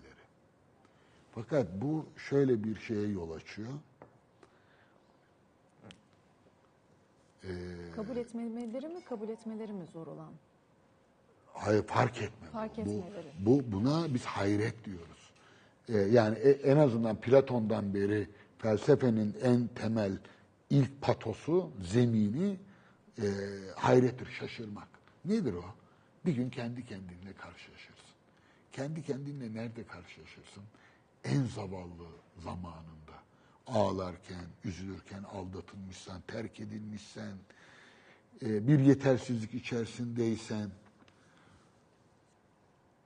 Şimdi Bu biz bu dünyada ıı, kemali ıı, bulmaya, cemali görmeye, görmeye geldik. geldik derler. Evet.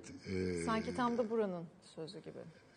e, işte evet yani aslında orada e, söylenen şey bu yaklaşık 2500 yıllık bir öyküdür. Hatta 3000'ini biliyoruz tarihsel olarak. Ama muhtemelen başkalarında da oluşmuştur. Ee, en temel şey ne? Yani okumak, tiyatro, sinema filan bu böyle bunları elde etmek hani var elde edenleri görüyoruz. Yani yine vali olmuş adam olamamış tiplerden oluyor. Çoğu çiğ. Ee, hiçbir tekamül yok. Yani yılların oyuncusu olabiliyor, yılların sanatçısı olabiliyor falan. Öyle bir laf ediyor ki bir gün. Yani diyorsun ki hiç kendine emek yani bir insanın bir konuda başarılı olması adam olması demek değildir. Yani dünyanın en büyük filozofu olabilirsiniz. En büyük işte siyasetçisi, sanatçısı filan. Yani neticede adamın kalbine, öz bilincine bakılır. Kendine dışarıdan bakabiliyor mu? Yani başkalarını kolay incitebiliyor mu? Başkalarını aşağılamayı e, 70 yaşına gelip Marifetten e, sayılır. yani sa, o- orada bir gelişme yoktur. Yani bir konuda hünerse onlara sanatçı denmez. Onlara hüner sahibi denir. Yani ne bileyim işte e, şey üstünde ip üzerinde yürüyor. E, Cambaz. Cambaz.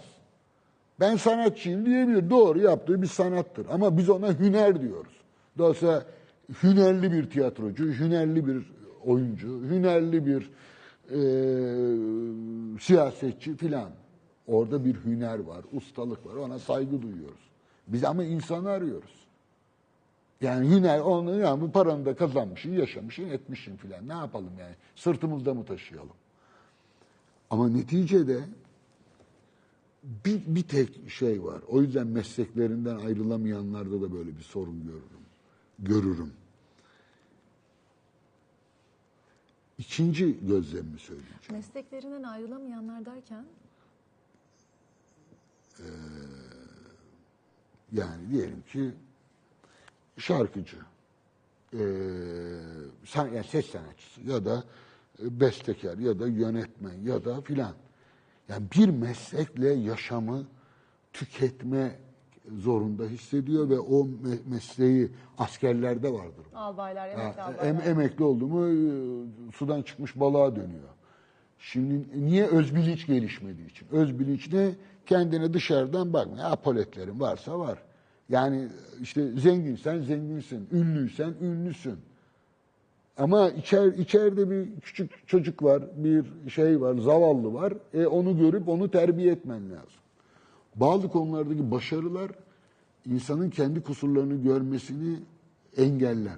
Ama şeye e, bir, bir cümleyi unutmayayım, onu hep et- hatırlayıp dönüyorum etrafımda. E, yani irfan nedir deseler. Yani bütün bunu söylediklerimiz işte mağaradan çıkmak, mağarada olduğumuzu fark etmek filan diye metafor, bazı metaforlara başvuruyoruz. Ama daha kısa, daha sade, daha yalın bir şey söyleyemez miyiz e, deseniz e, yani yıllardır bu en iyi bulduğum şeylerden biridir. Ba- bana açıklayıcı geliyor. Kendini oyalamayı bilmek. Bakın dikkat edin. İnsanların önemli bir kısmı yani yaşlanma çok önemli bir şeydir. Güzel yaşlanma. Ve e, güzel yaşlanmayı bilmeyen, kendine yazık eden çok insan var. Güzel yaşlanma,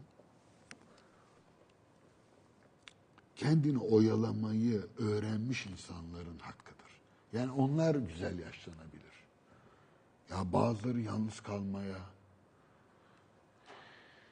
e, ya da yalnız kaldıklarını ne yapacaklarını bilmiyorlar. Ve bu belli bir yaştan sonra değil yani bütün yaşamlarında. İşte can sıkıntısı filan deyince yani şeyde durakta otobüs beklerken ya da işte sinema kuyruğundaki filan sıkıntıyı kastetmiyorum. Buradaki sıkıntı daraltı, kaygıdan söz ediyorum. Kaygı çok yıkıcı bir şeydir. Kendini oyalamayı bilemezseniz iyi yaşamdan söz edemezsiniz. Yani iyi yaşamın mümkün olabilmesi için ruhunuzu meşgul, oyalamanız lazım. E, bu, bu ziyafetlerle, toplantılarla vesaire filan olacak şey değil. E, kendinizi oyalamayı, işte kültür bunu sağlar. E, yani buraya gelirken e, onu düşünmüştüm ama vaktimiz kalırsa Kalırsa konuşuruz. Kendimizi oyalamak derken dilerseniz biraz da soluklanalım. evet. Akabinde zaten devam edeceğiz.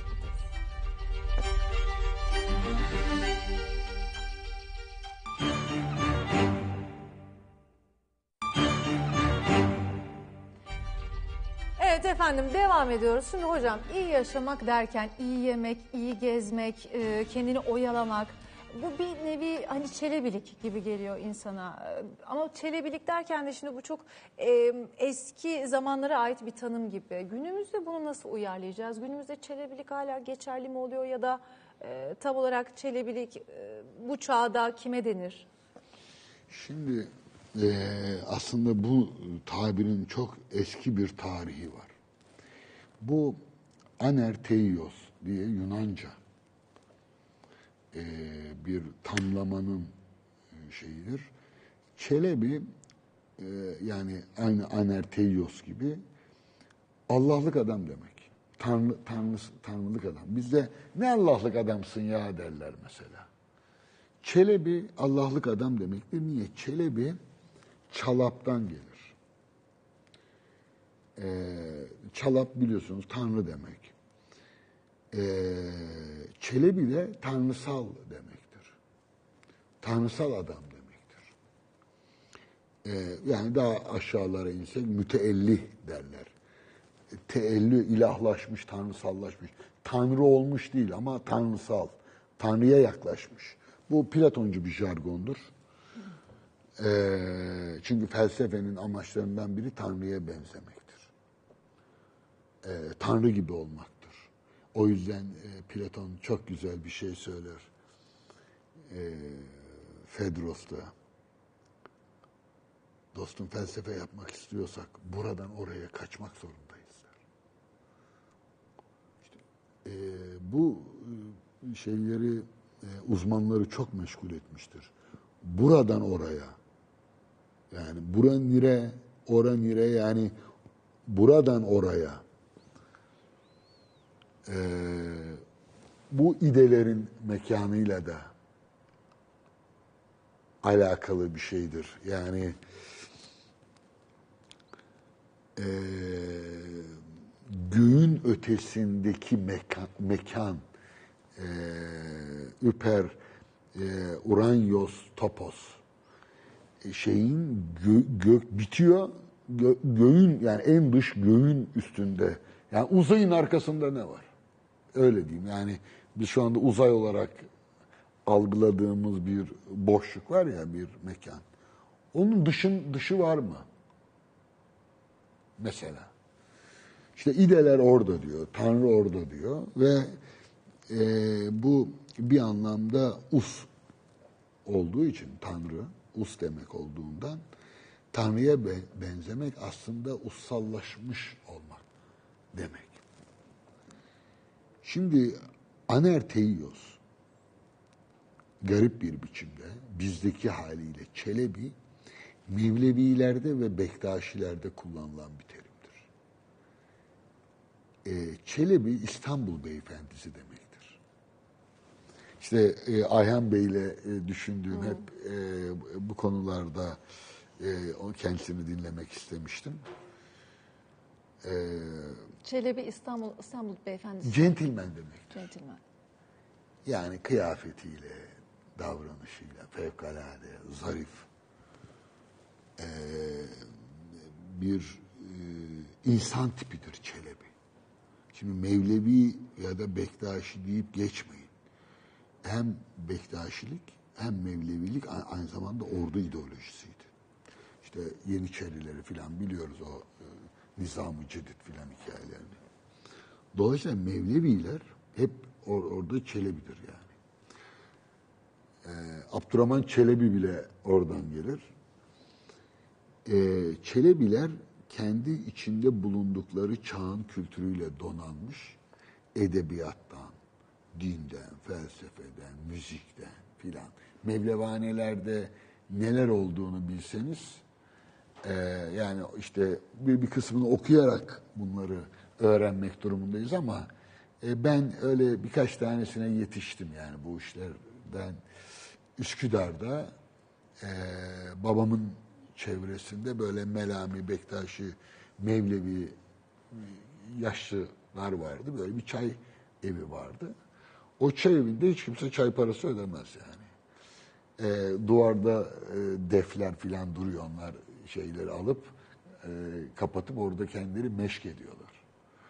E, hepsi muski şinas filan. Yaşlı ihtiyarlar böyle. Hep emekli filan. Tabii iki üç dil. Fransızca, Farsça, Arapça yani, yani üç dört dil bilen insanlar.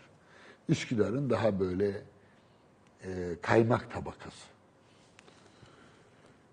E, yani oraya gittiğinizde mesela oturup kalkmanıza şey kovardı zaten. Şey e, Abdullah amca. E, çaycı o kadar titiz, o kadar temiz bir adamdı ki. Çünkü oraya gidip oturuyorsunuz.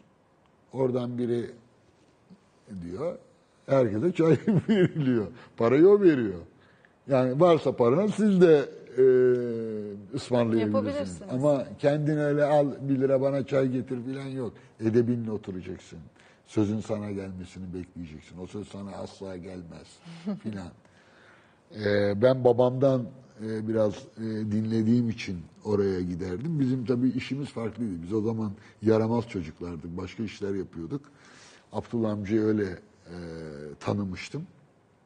Şimdi çere bunlar zarif insanlar. Ee, mesela e, eski İstanbul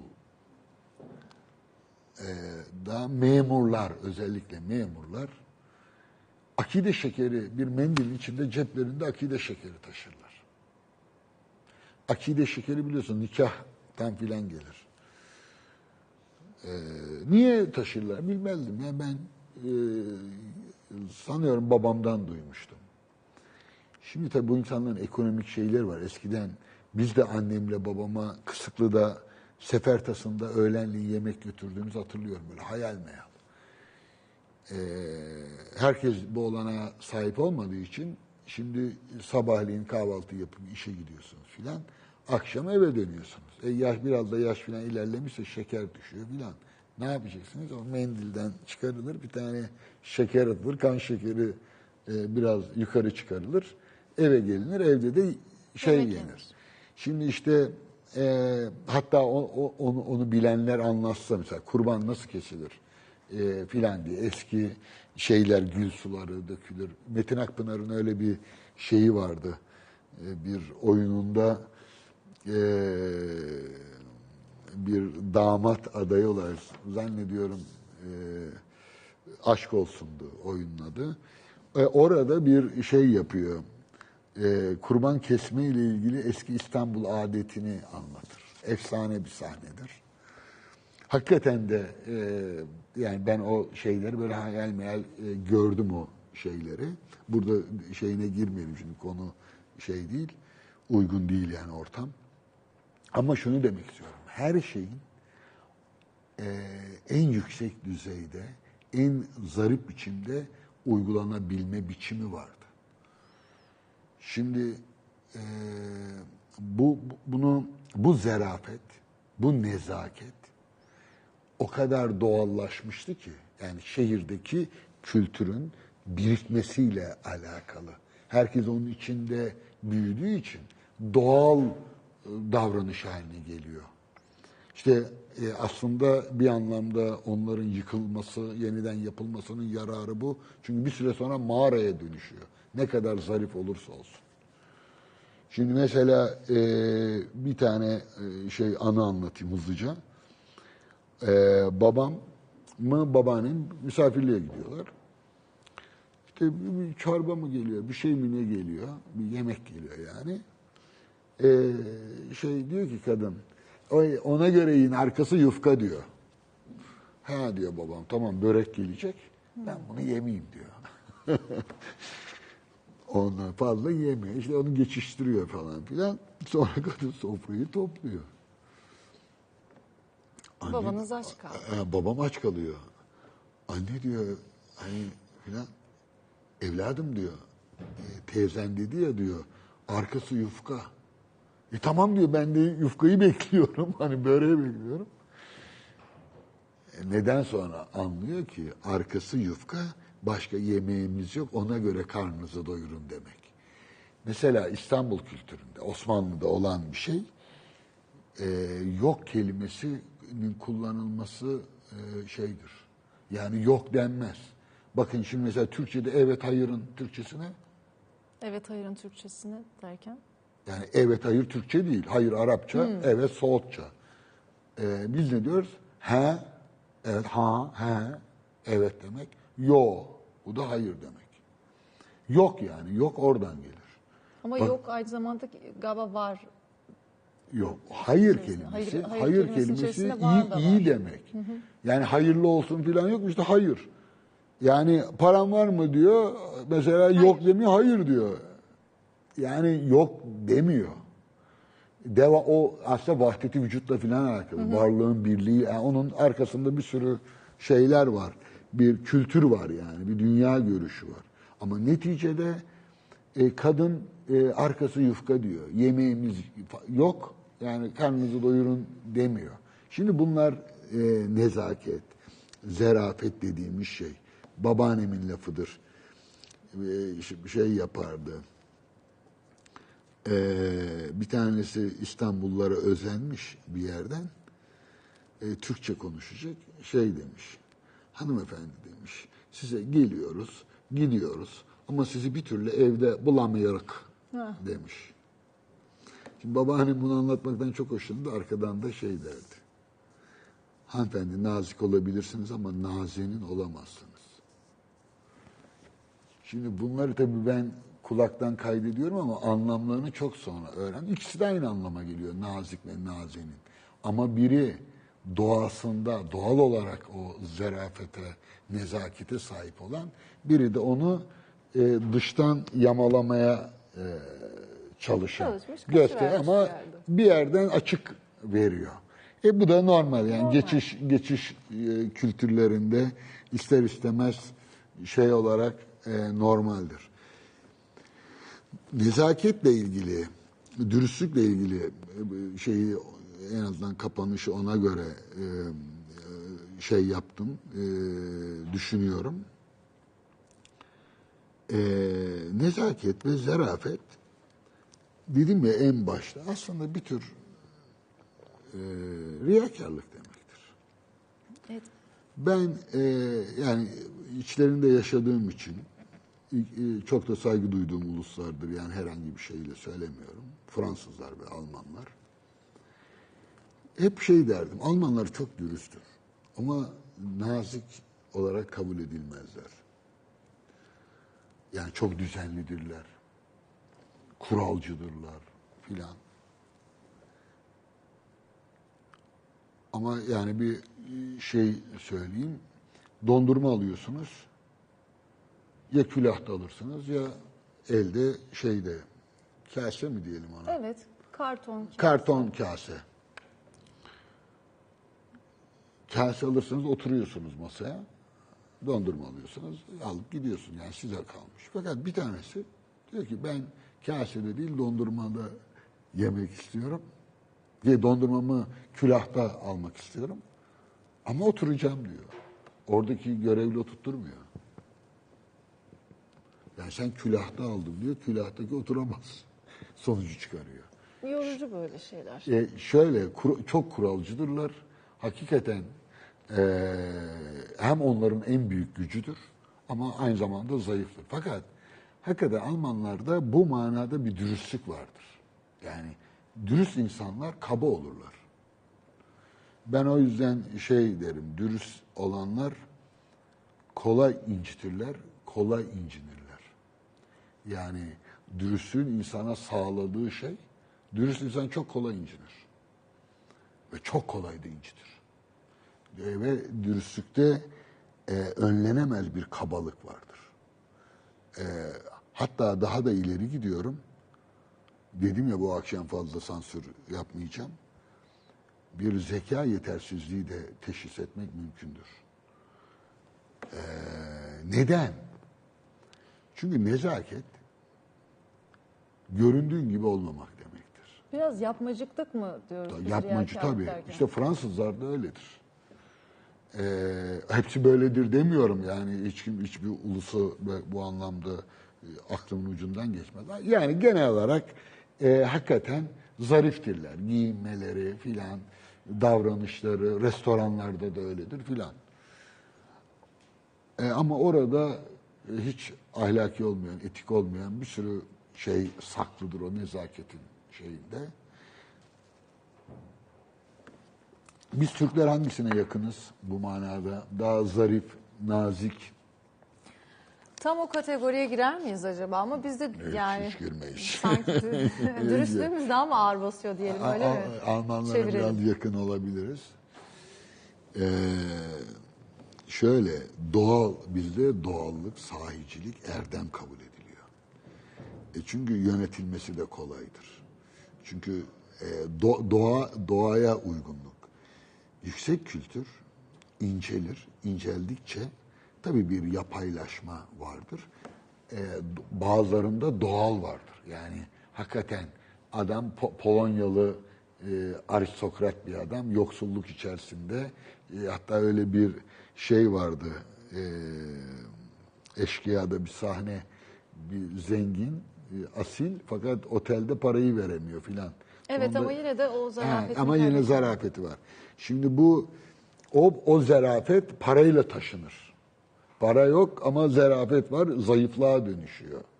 Ham yaparlar adamı yani. Şimdi doğal olabilmek için sert olmamız lazım. Bizde Türklerde baba çocuğunu kucağına alıp öpmez, sevmez. Geceliğin uyurken çocuk öper. Bunu şey için e, böyle bir efemine hale getirecek çocuğu güçlü olamayacak, savaşçı olamayacak diye korkuyorlar. O yüzden çocuğu Spartalılar gibi sürekli güçlüklerin içerisine atıyorlar ki dayanıklı olsun diye. Şimdi e, ben bunun tam tersi düşünülebileceğini varsayıyorum. Nezaket e, ancak zeka ile sürdürülebilir bir ilişki oyunudur. Yani öyle bir hikaye anlatılır. Mesela soru cümleleri, dolayım vardır. Bana kalemi ve- ver. Bu bir isteme biçimi. Kalemi verir misin? Bak soru. Ee, Rica kalemini etsem kaleminizi verebilir. ya da hay daha da geriye gidelim. Bakın dolayımı arttıralım. Kaleminizi verir miydiniz? Şimdi e, dolayımı mesela alabilir miyim? Verir misin? Önce alabilir miyim? Sonra verir misin? Verir miydin? Verirler mi acaba? Sürekli zamirleri e, uzaklaştırarak Araya sürekli bir mesafe do- koyuyoruz.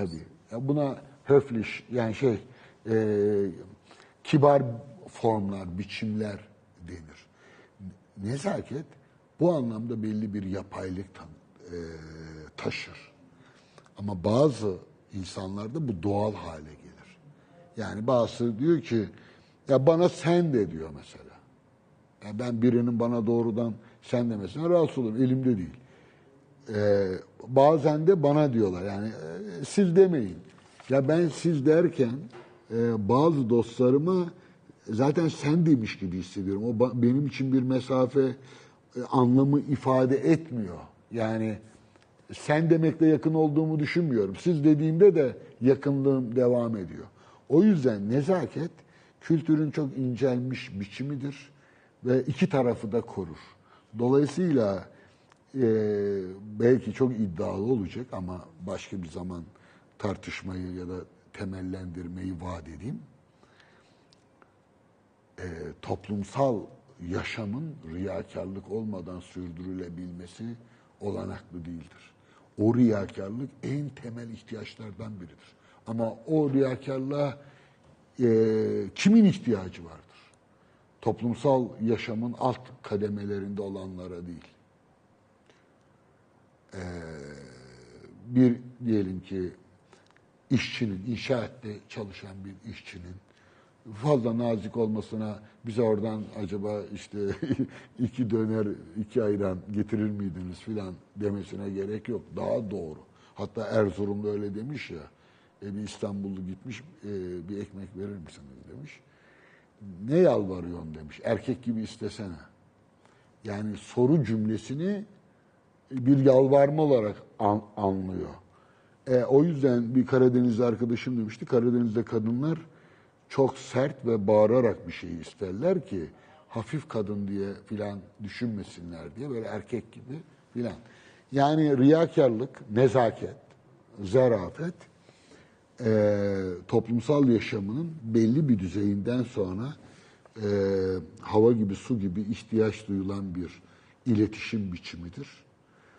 E, insanın içinden geldiği gibi konuşmasını engeller ve bu dili sürdürmek belli bir zeka e, düzeyini de eğitim düzeyini de zorunlu kılar. zorunlu kılar diyelim. Son cümlemiz bu olsun. Efendim bizi bu saate kadar izlediniz. Uykunuzdan ödün verdiniz. Zira yarın pek çoğumuz çok erken kalkacağız, işe gideceğiz. Buna bunu yapmak zorundayız. Çünkü yaşamımızı bu şekilde idame ettiriyoruz. Ama biz de bugün iyi yaşamayı konuştuk ki aynı zamanda o yaşadığımız hayatın bir anlamı olsun. Haftaya biz buradayız. Sizi de bekleriz.